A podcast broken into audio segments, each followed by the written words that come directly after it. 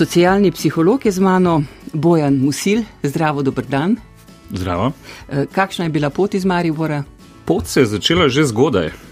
V bistvu sem v Ljubljani že kar nekaj časa in to je zdaj četrti opravek. Predvidevam, da so bili poslovne narave, takrat izkoristite, kadar imate kaj.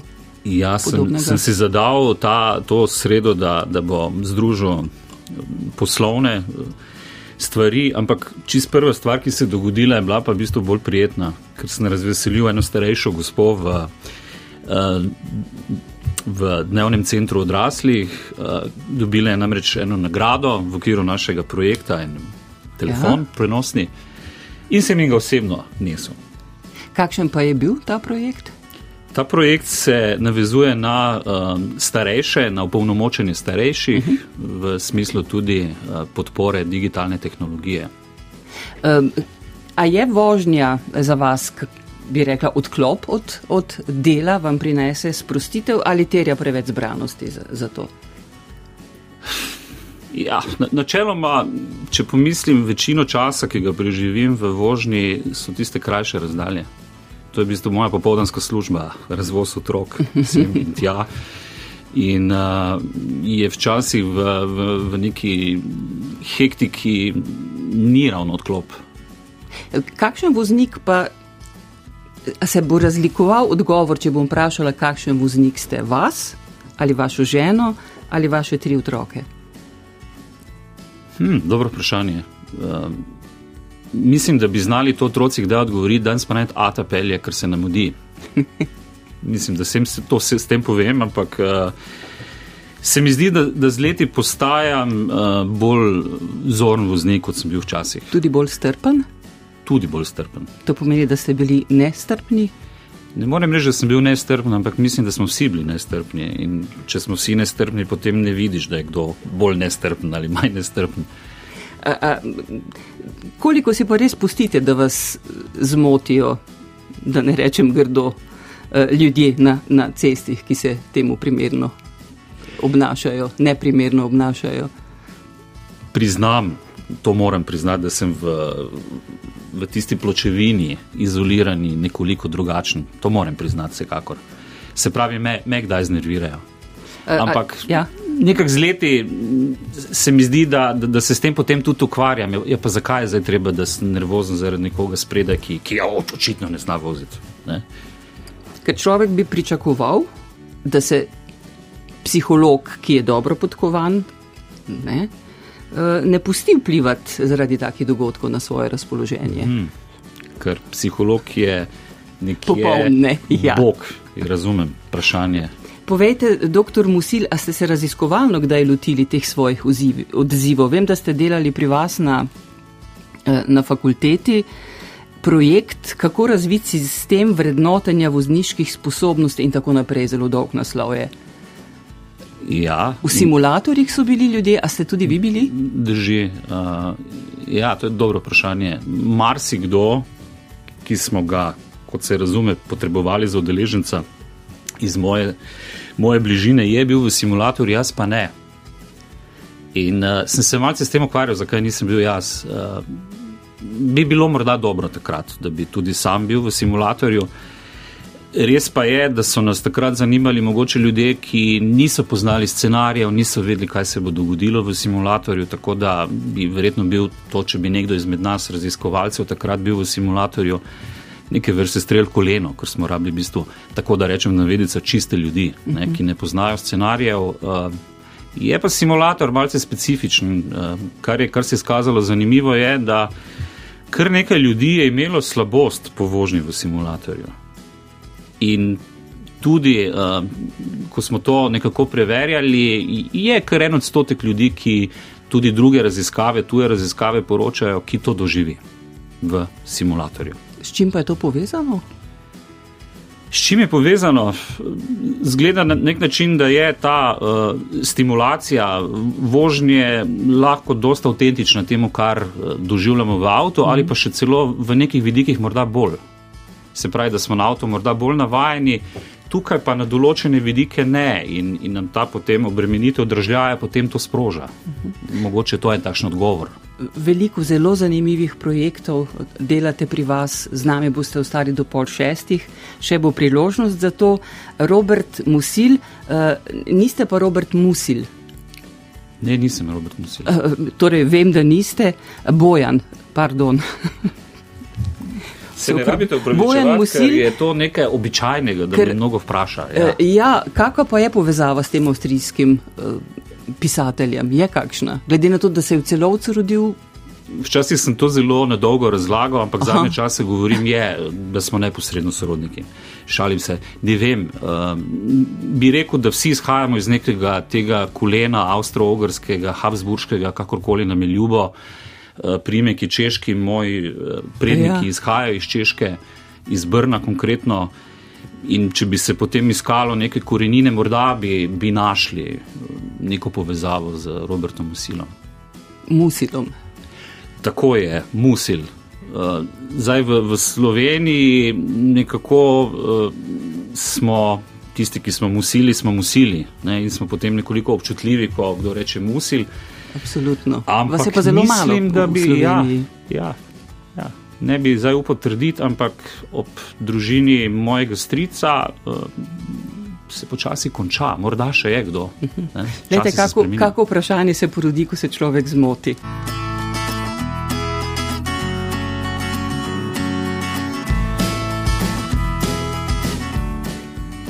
Bojan Musil, predstojnik na oddelku za psihologijo, filozofske fakultete v Mariboru, socialni psiholog. Kdaj ste na zadnje obiskali robotko Frido, kako je kaj gre? Uf, zdaj pa že dolgo ne. V bistvu na zadnje smo videli, eh, kar takrat, ko je bil prispevek na televiziji, to se pravi, mislim, da je bilo to v novembru ali morda celo v oktobru. Eh, Lani? Mislim, da je bilo takrat, ja. Ampak ja, moram povedati, da Frida je še smiljen. A je že? Smiljen je v zadju. Frida je tista, ki, poskuša, ki jo poskušamo integrirati v klinični center v Mariboru, na oddelek. Uh, ampak ja, to vrstne intervencije grejo zelo, zelo, zelo počasi in zelo kočljivo, zelo previdno je treba s takšnimi zadevami oziroma stvori v v, v, v, v situacijah, kjer so seveda občutljivi ljudje, Tako. pacijenti. Ne. Zato ste eh, sodelovali s, s Ferijem, fakulteto za eh, elektrotehniko in računalništvo, eh, in potem izdelali tega socialnega robota. Ne. Ima pa delno človeško podobo. Tu je ta hakelc, najbrž tudi. Ne? Ja, čeprav mogoče Frida ni tisti čist socialni robot, je kar robot Aha. kot mogoče v, v smer nekakšnega pripomočka, ker uh, dejansko upravlja naloge, ki, ki so precej rutinske vsak dan, ki jih počnejo naprimer eh, medicinsko osebje, zdravstveno osebje v bolnišnicah, se pravi, da lahko zmerijo temperaturo in tako dalje. Ima pa seveda tudi neke določene druge funkcije, se pravi, da eh, seveda se lahko pogovarja z. In odziva pacijentu, uh -huh. uh, lahko v bistvu tudi um, zamišljeno je tako, uh, tudi omogoči nek dostop do spleta, naprimer, da bi napisal elektronsko pošto in tako dalje. Ampak kot pravim, koraki so zelo počasni. Zdaj, vprašanja ste vi razvijali pravzaprav, vaš oddelek za psihologijo. Tukaj ste najbolj pomagali pri razvoju te fride. Pri, pri scenariju tudi nekoliko, ampak uh -huh. uh, to moramo vedeti, da dejansko kolegi iz fakultete za elektrotehniko imajo že kar tradicijo projektov in v bistvu tudi, kom, tudi stimuliranje nekakšne komunikacije, tako da uh, mi sodelujemo verjetno tudi v kakšnih drugih vidikih, vidikih tega, naprimer, kako se osebje odziva na nekoga, ki ni človek, pa ja. deluje kot človek kako oziroma se, simulira. Pardon, kako pa se odziva? Pričakovano. Zdaj tu je tako. Um, zdravniki so načeloma so, so zelo pozdravili to, da bi, da bi robotka prišla. Uh, tisto zdravstveno osebje, se pravi medicinske sestre, so bile pa nekoliko sumničave.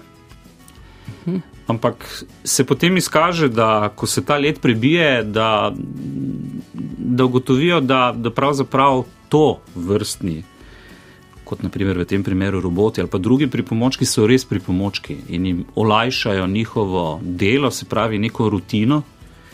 Zmanjšajo in se lahko posvečajo nekemu drugemu delu. Se pravi, je treba nekako vzeti kot dodano, dodatno vrednost, ne, dodano vrednost ne pa kot nekaj nevarnega. Točno tako. Ne, se pravi, da verjetno tisti strah, če bi šli zdaj nekje v, v globino, morda izvira iz tega, da zdaj nas bojo pa roboti zamenjali, ja. da ne bomo več potrebni in tako dalje, uh, ampak ne. ne. Do, do tega scenarija, če sploh bo prišlo, smo zelo, zelo daleč, če smo. Kaj pa pacijenti? Ste slišali, kaj, kako se odzivajo? je veliko nelagodja med njimi. Trenutno je implementacija robota še v, v tisti res začetni fazi, uh mhm. -huh. tako da zdaj nekih resnih interakcij uh, še ni bilo. Ja.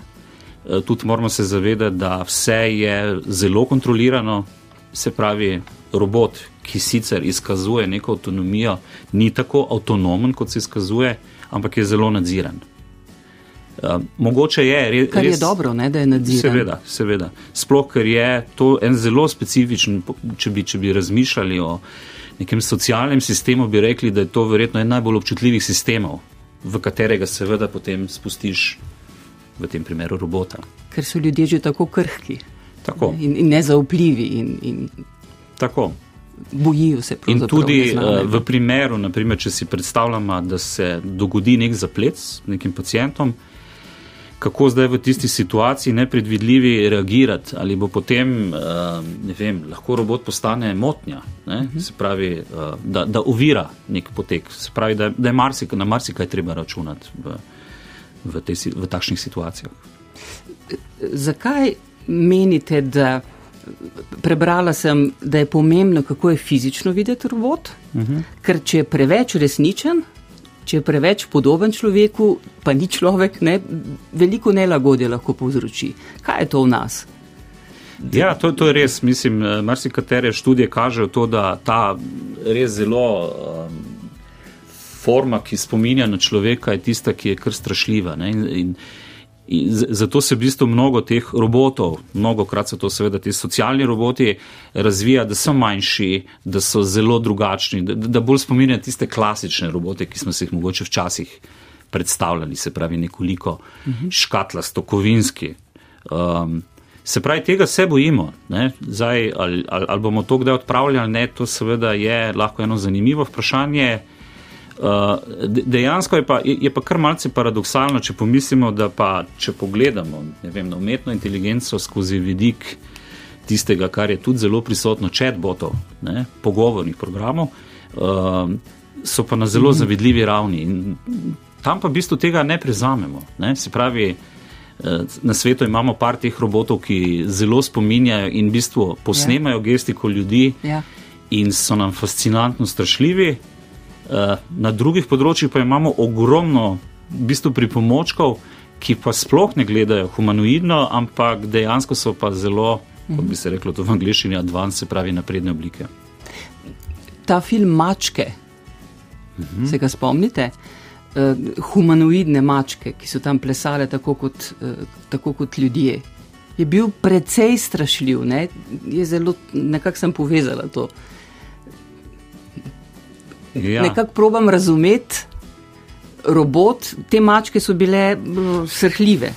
Ja. Ve, poznate ja, ta film? Razumem, razumem kaj, kaj razmišljate. Ja, zanimivo, ker to je verjetno tisto, zdaj, zdaj bom zelo špekuliral, ampak da tisti nek nezaveden strah, ne, ne, neko, neko eh, emocionalno kapaciteto človeka, ja. da se tistega bojimo, kako mm -hmm. se bo to potem materializiralo v, v nečem takšnem kot je naprimer robot. Uh -huh. In zdaj, če imamo mačko, pa ni prava mačka, potem morda še celo tisto, kar nam je strašljivo na mački, ja. potenciramo v tej umetni obliki. Uh -huh.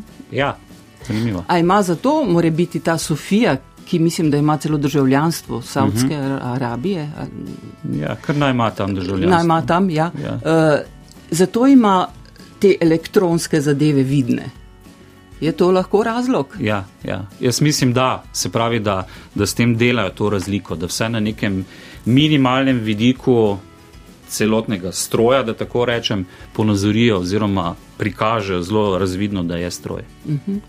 uh, jaz sem uh, raziskavo Oxfordsko, ne vem, če ste jo zasledili, ker jih je seveda milijon in ne preberete vsake, jaz sem pa samo to videla, da so otroci zelo angažirani in da izjemno dobro sodelujejo z roboti, ko so ocenjevali njihovo duševno stanje. In so povedali celo več kot, kot pri neki klasični metodi. Prikimavate. To je ja, logično.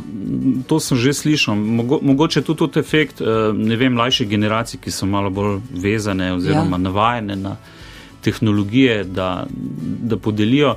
Nasploh pri otrocih pa je, je vedno zanimiv, zanimivo raziskovati ta odnos, ampak tudi pri njih mislim, da, kolikor se spomnim, so bile raziskave, ki so kazale, da ta, uh, da ta vidik, da je, da je nekaj manjše, da je bolj odmaknjeno od človeškega, uh, da je tisti, ki, ki je, je bolj, jih bolj pritegne. Uh mhm. -huh.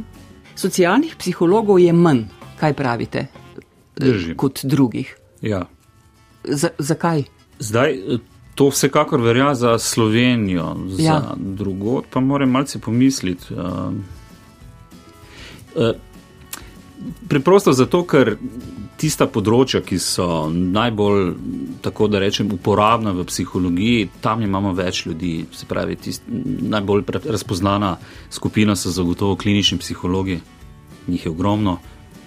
Potem pa imate tudi v bistvu psihologe, ki delujejo na področju izobraževanja, psihologe, ki delujejo na področju tudi tiste druge, ki delujejo na področju zdravstva, niso klinični, pa seveda v podjetjih, pri delu, kadrovniških službah imate ogromno psihologov. Se pravi, socialna psihologija je nekaj, kar je v osnovi bolj morda teoretsko. Mhm. Čeprav. Čeprav vi tudi. zelo delujete v praksi, tudi v medijih. Ja se pogo, pogosto pojasnjujete svoje poglede, predvs, predvsem tudi na politiko, političarke, proteste in tako naprej, vsa ta gibanja. Marsikaj pomaga razložiti ta socialna drži, drži. psihologija. Me zanima, ali tudi vas zasebno, kot zasebnika, zanima politika ali samo iz teh namenov kot socialnega psihologa. Oboje oboje. Če pomislim vem, na moje otroštvo, mladost, me je vedno politika zanimala, sem jo spremljal. Zdaj pa priznam, da, da prihaja do res ne take interakcije, da, me, da me, me zanima, ampak hkrati ugotavljam, da me v bistvu tudi poklicno zanima, da me more zanimati ja. določeni fenomeni in potem to oboje deluje v obe smeri. Se pravi, ste že kot mlad v mladosti spremljali eh, življenje, družbo dejavno, ne samo kot opazovalec? Ja, ja. ne smem reklam delati za te, najbolj znano mladinsko revijo, ampak ja. Terja tudi eno držo, pravzaprav tudi zdaj, ko kot socialni psiholog na vse zadnje komentirate politiko politike. Terja neko držo, eh, je pa tako, da včasih je seveda neke morda svoje preference, tudi politične, uh, težko popolnoma izključiti iz rečemo, nečesa strokovnega.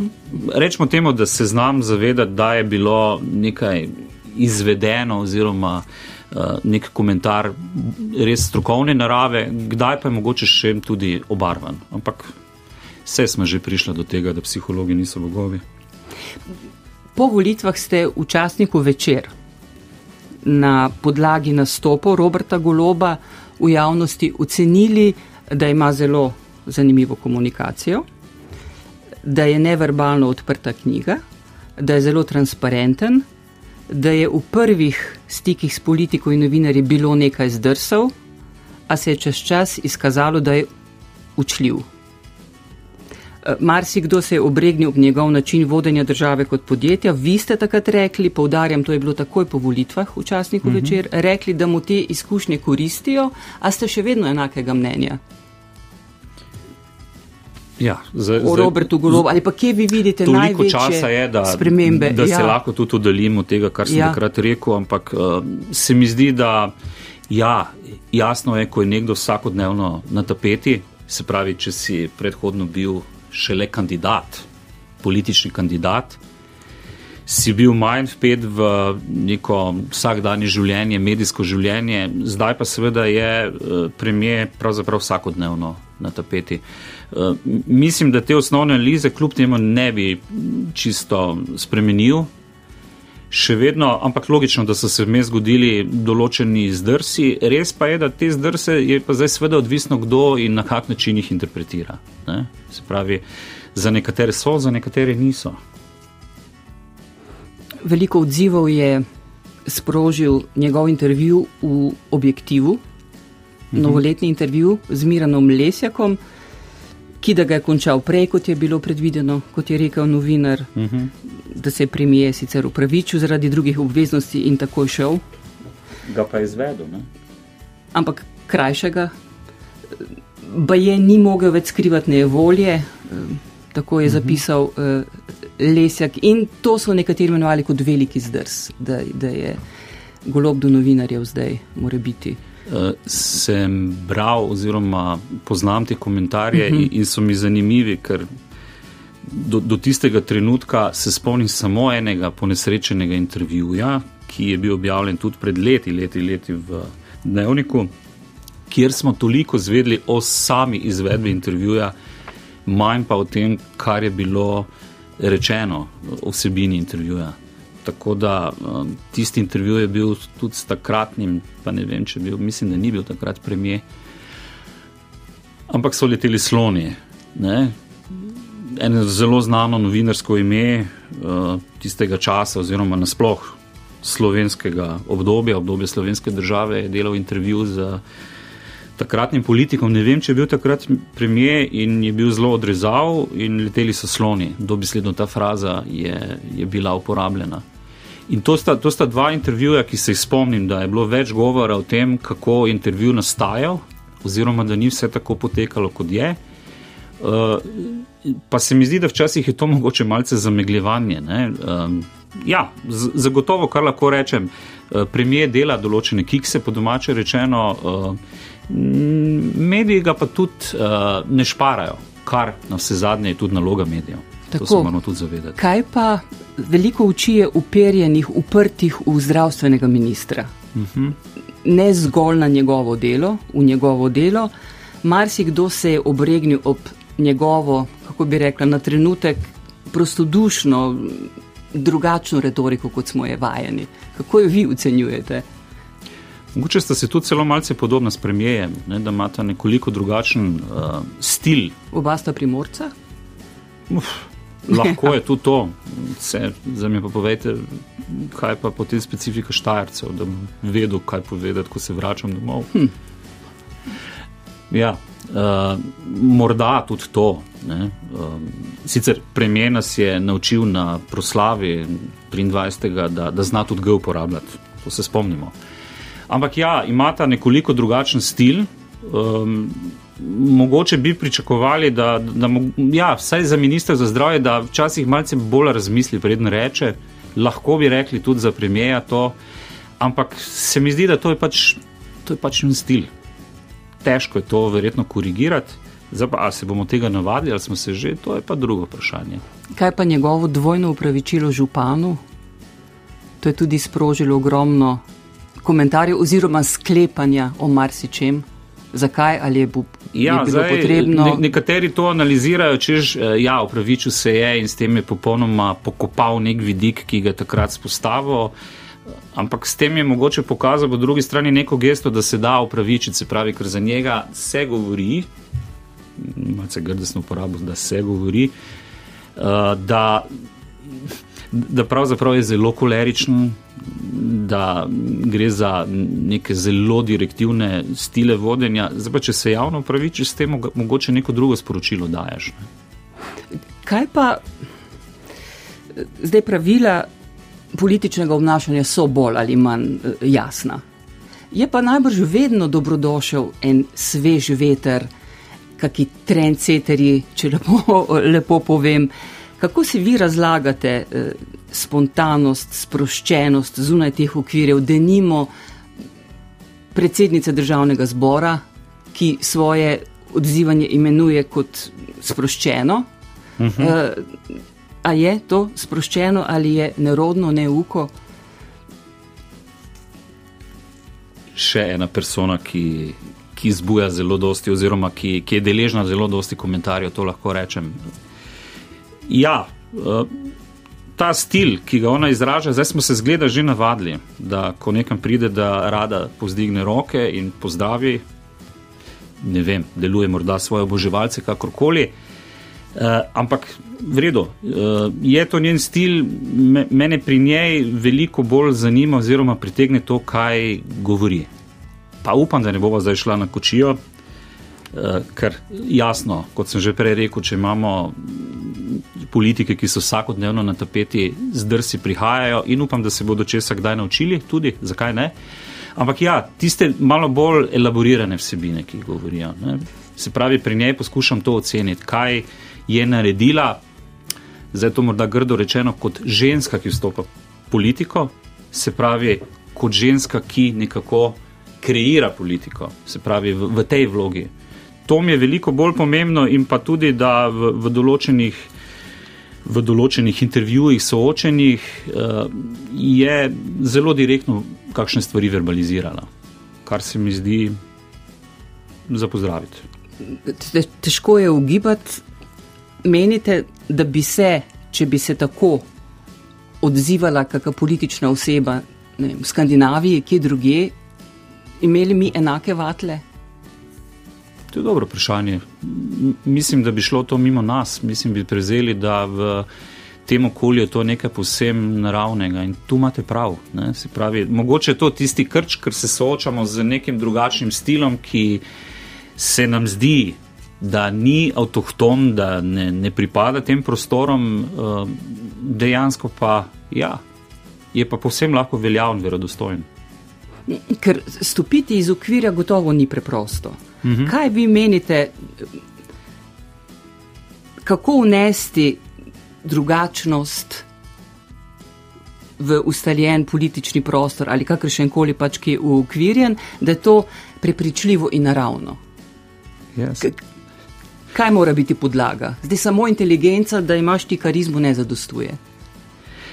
To, to se mi zdi nekaj, kar še mer se samo badam zadnje čase, ko, ko malce. Ja, dejansko, da mislim, če, če smo na tej polarnosti politike ja. in imamo neko persono, ki je politika, političarko, ki je iz drugega pola, seveda vemo, kaj lahko na tem drugem polu pričakujemo, da ne bo ravno to poslano z rožicami.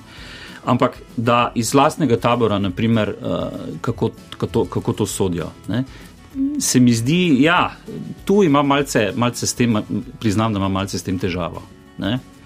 Se pravi, da na nek način smo v nekem paradoksu, da si želimo drugačnost, ampak ko se pa izkaže drugačnost, pa naenkrat nam to ne paše. Oziroma iščemo vzorce, zakaj kaj je pravzaprav v tem vzorcu narobe. Ne?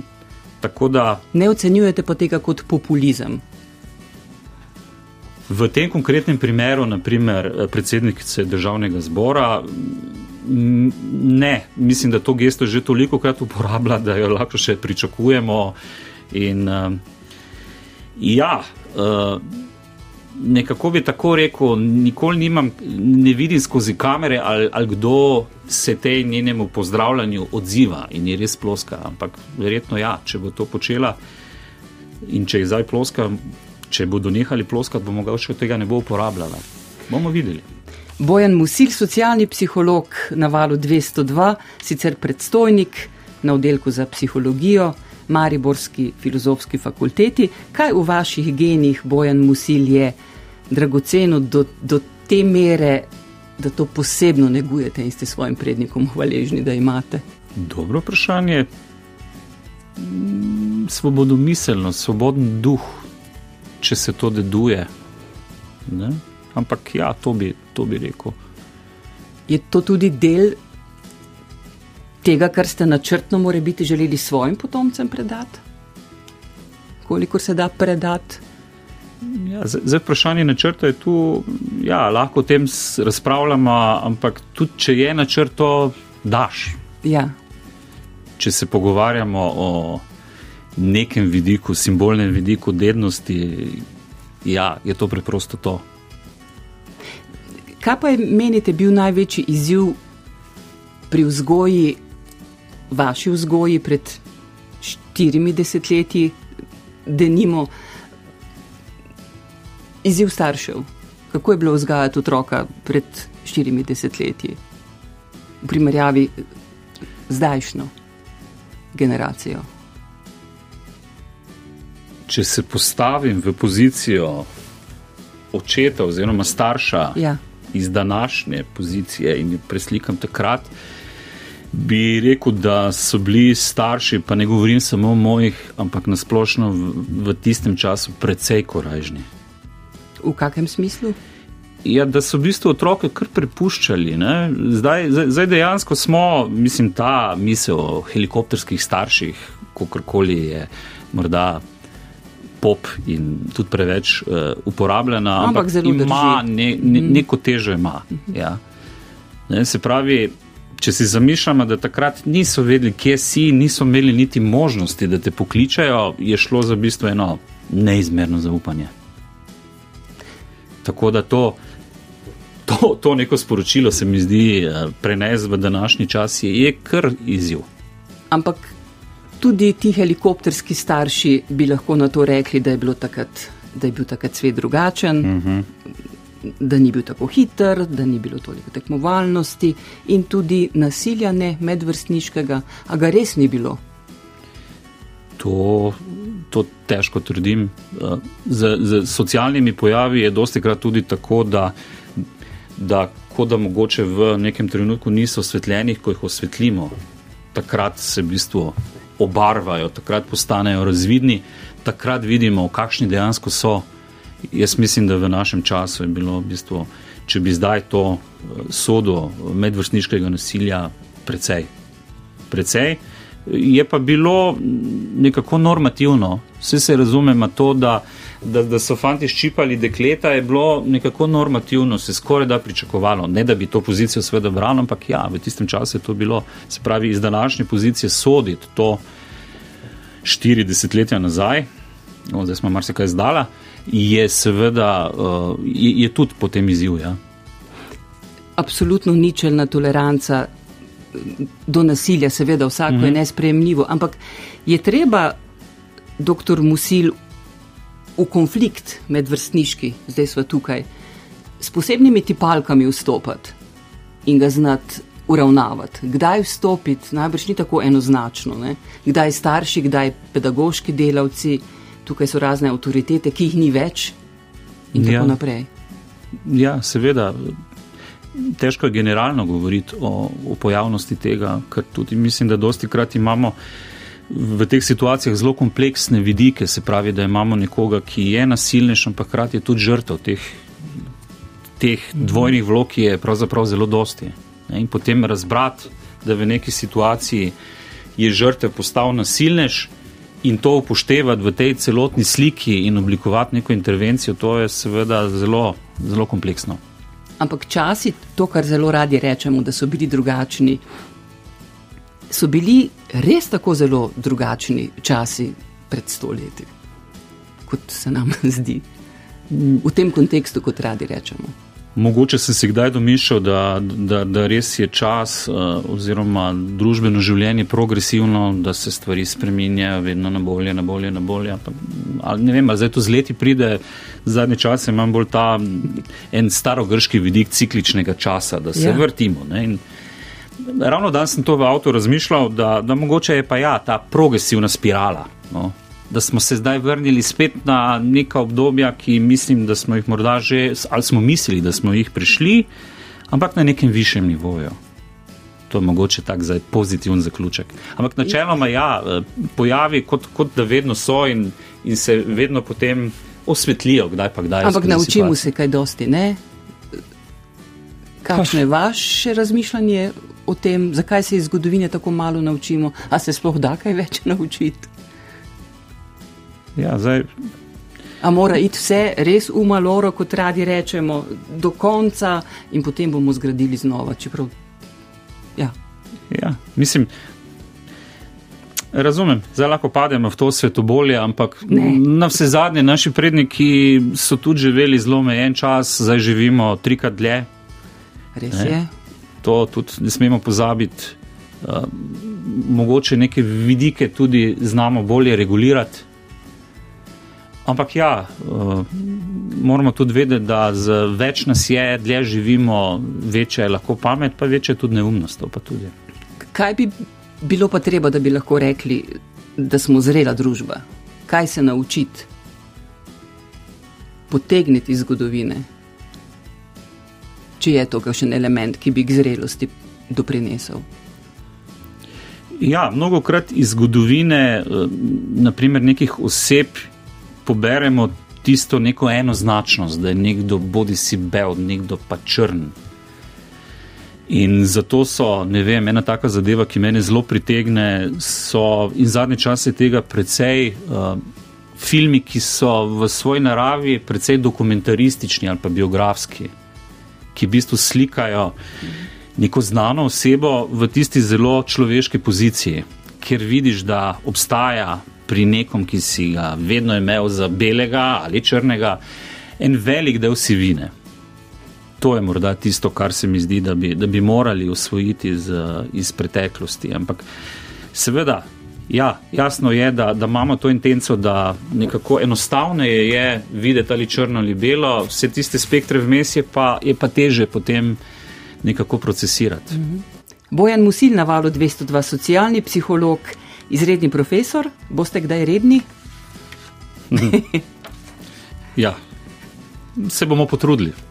Sicer pa predstojnik na oddelku za psihologijo Filozofske fakultete v Mariboru je predstojništvo več birokracije, kot ste si predstavljali, da je, ko ste nastopili to funkcijo. Zdaj sem že precej navaden te birokracije, ampak um, tu človek res mora biti schičen na tem, da seveda tudi birokracija napreduje in je vedno več. Eh, čeprav se moram priznati, da imam krasen kolektiv, krasen oddelek in, um, in, in kar družno, kolektivno krmarimo skozi to, tako da ni vedno tako težko. Prevladujejo ženske? Seveda. Zakaj na psihologiji še vedno več žensk? Ja, zdaj najbolj enostavno odgovor je ta, ja. ker um, pridite kdaj, naš prvi letnik, drugi letnik, tretji letnik in boste videli, kako to zgleda. Kako to zgleda? Ja, večinoma so dekleta. Ja, um, razlogi, razlogi so pa tudi v tem, da seveda je psihologija zelo zaželen študij. In uh, rabiš zelo nepopularno, zdaj, da to promoviram preko etra, ampak dosti točk. Se pravi, dober uspeh, pravzaprav odličen uspeh, se moraš dobro odrezati na maturi in tako dalje. In tukaj prevladujejo ženske. Ja, prevladujejo, v veliki meri prevladujejo ženske. Zakaj so pa ženske tiste, ki se pri sepkih, pri selfijih, bolj, sem si zapisala, zakaj so bolj nasmejane in bolj ne vem, če sem prav razumela, osredinjene na fotografiji kot moški kolegi. Sem prav povzela raziskavo, ja, del ja, raziskave. Ja. V bistvu kar, kar precej uh, dobra komunikacija znanosti, bom rekel. Ja.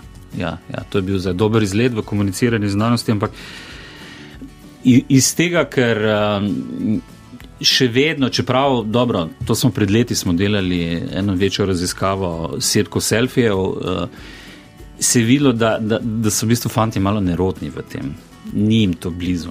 Ne? Mislim, ne da jim ni blizu, ne znajo s tem prav operirati. In iz tega to izvira. Tudi zato se bolj neutralno izražajo, ja. niso nasmejani, niso ja. sproščeni. Ja, ja, tako. To, da bi bil razlog. Tako.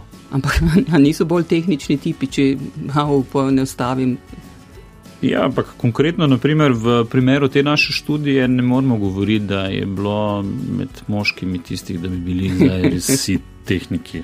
Ne? Ne, ne. Druga gimnazija Maribor je imela kaj prednosti pri obisku prav o tem predavanju, o fotografiji selfijev, ker ste pač vi od tam išli. Tista raziskava selfijev je bila prezentirana tudi kot en posnetek predavanja, ki smo ga nekoč na fakulteti naredili, se pravi, da bi približali to, kaj, neke bomo rekli, take morda atraktivne vsebine, ki jih počnemo, da so na voljo seveda ljudem, tudi gimnazicem, uh mhm. -huh. ki iščejo, kaj bi se upisali in tako dalje. Uh, druga gimnazija mi je pomagala, mogoče v tem času, ko sem hodil na drugo gimnazijo, sem bil v, v, v večjih gledaliških skupinah. Mogoče je za to pomagala.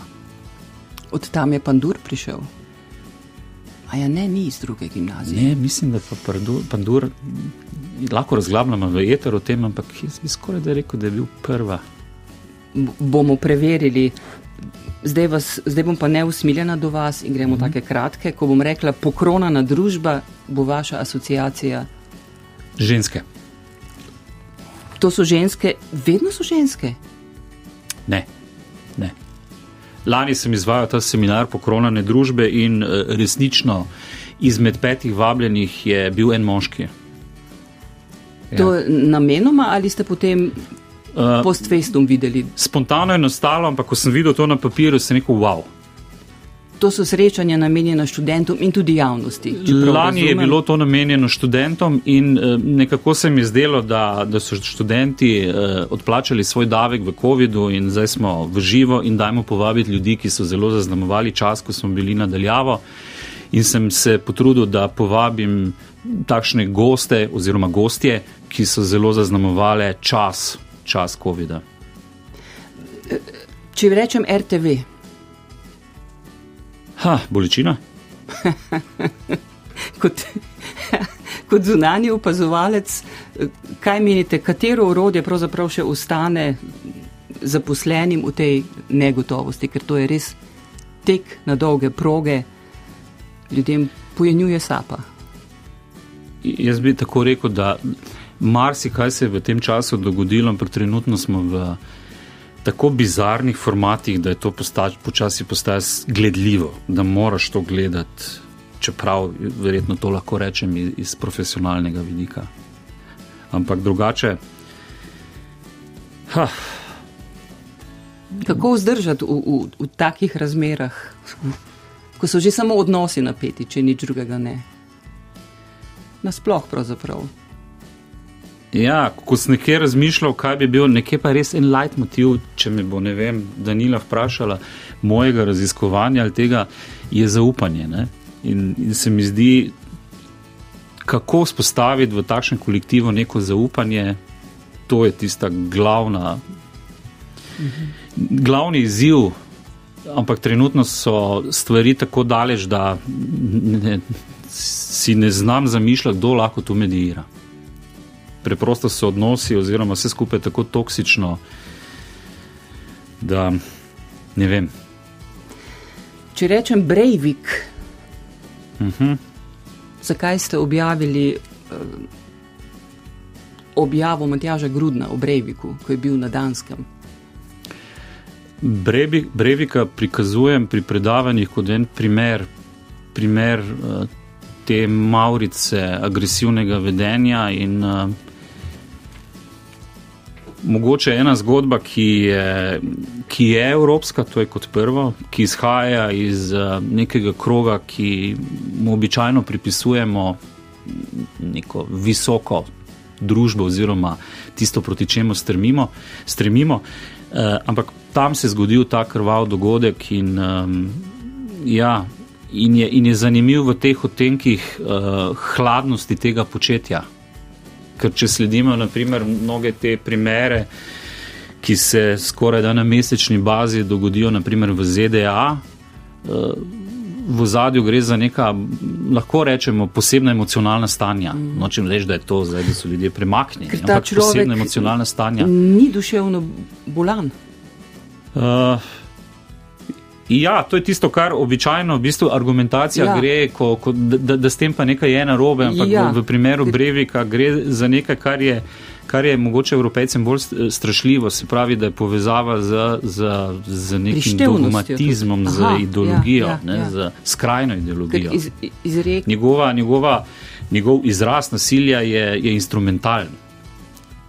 Eh, on ni imel cilja v osnovi, da prizadene bolečino tem otrokom, najstnikom, ampak da s tem sredstvom doseže nek drugi cilj, da upozori na svoj manifest, na, na to, kar misli. Da bo še Đorđe Balaševič na vrsti, si bom zdaj le dovolila samo še tri kratke. Jera bom rekla. Najmlajša. Neža. Srednja. Izidor. Najstarejši. Povejte značilnosti, ki vas zelo presenečajo pri njih. Kot da niso z, vase, z vaše familije pa so iz istega gnezda. Če to ni preveč ja, ja, vsi, so, vsi so svoje zvezde, to je res. Ampak, ko potem podrobno uh, jih nekako uh, analiziraš, ugotoviš, da v enem, eni kombinaciji sta si najstarejši in najmlajša zelo podobna, potem ugotoviš, da sta si punci zelo podobni, pol ugotoviš, da si najstarejši srednjo podobni. Ne? In to se, to se neprestano izmenjuje. A si boste kaj učitali, ko boste star gospod, ko boste videli svoje tri otroke odrasle, kaj menite, da bi si lahko učitali, kje ste ga pokronali? Zdaj je še čas, da se popravi. Jaz mislim, da bom vedno bom našel hmm. kakšne vidike, da, da sem ga kje pokronil, ampak sem po naravi takšen, da sem spomnil bolj pozitivnih stvari. E, Lučka pa Borut sta še pri vas? Sta še pri nas, imata sicer družbo, zelo živahno je. To sta goski, čeprav ne raci. Ne, da, raci, raci, raci ja. ste v pričakovanju toplega vremena ali imajo všeč to? Trenutno so te naše race precej razpuščene, ampak jim nič ne manjka. Tako da pet jih je uh mhm. -huh. in imajo med fanti postaje kraval. Bojan Musil, hvala lepa.